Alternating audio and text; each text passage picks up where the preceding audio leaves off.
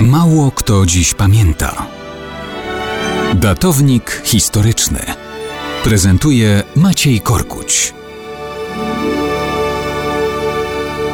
Mało kto dziś pamięta, że 13 stycznia 1172 roku na tronie zasiadł Bela, syn króla Węgier Gejzy II i ruskiej księżniczki Eufrozyny. Zasiadł na tronie, no ale którym?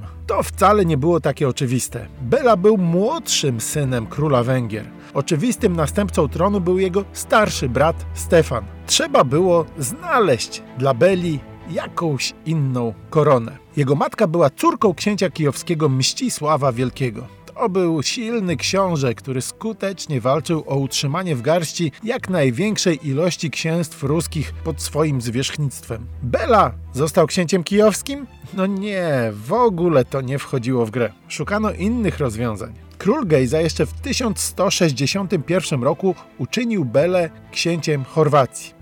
Zaakceptował to w pełni starszy brat, który został niedługo potem po śmierci ojca królem Węgier jako Stefan III. Ale i on myślał o bracie. Węgry były potężnym królestwem, które utrzymywało też przecież kontakty z Imperium Wschodnio-Rzymskim, czyli z Bizancjum. Tam panowała dynastia Komnenów i cesarz Manuel miał problem.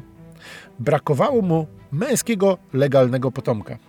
Więc oba państwa zawarły układ, w wyniku którego młody książę Chorwacji, Bela, wyjechał na nauki do Konstantynopola. Manuel Komnen wymyślił, że to jego ożeni ze swoją córką, Marią Komneną i uczyni go swoim następcą. Więc Bela miał objąć tron nie byle jaki miał zostać cesarzem bizantyjskim. Ogłoszono zaręczyny. Bizancjum to prawosławie, więc i sprawy religijne trzeba było uregulować. Bela otrzymał nowe imię Aleksy. I jako Aleksy miał panować w Konstantynopolu. No wszystko było ładnie, tyle że no pojawił się nowy Aleksy. W końcu Manuelowi Komnenowi w 1163 roku urodził się syn. I on także otrzymał imię Aleksy. Kto będzie cesarzem Aleksym? Wiadomo, Bela Aleksy wypadł z kolejki. Zaręczyny zerwano. Na pociechę cesarz ożenił Belę z przyrodnią siostrą swojej żony. No ale cóż, jaki tron obejmie Bela? Tutaj też się ułożyło, bo jego brat Stefan wkrótce zmarł.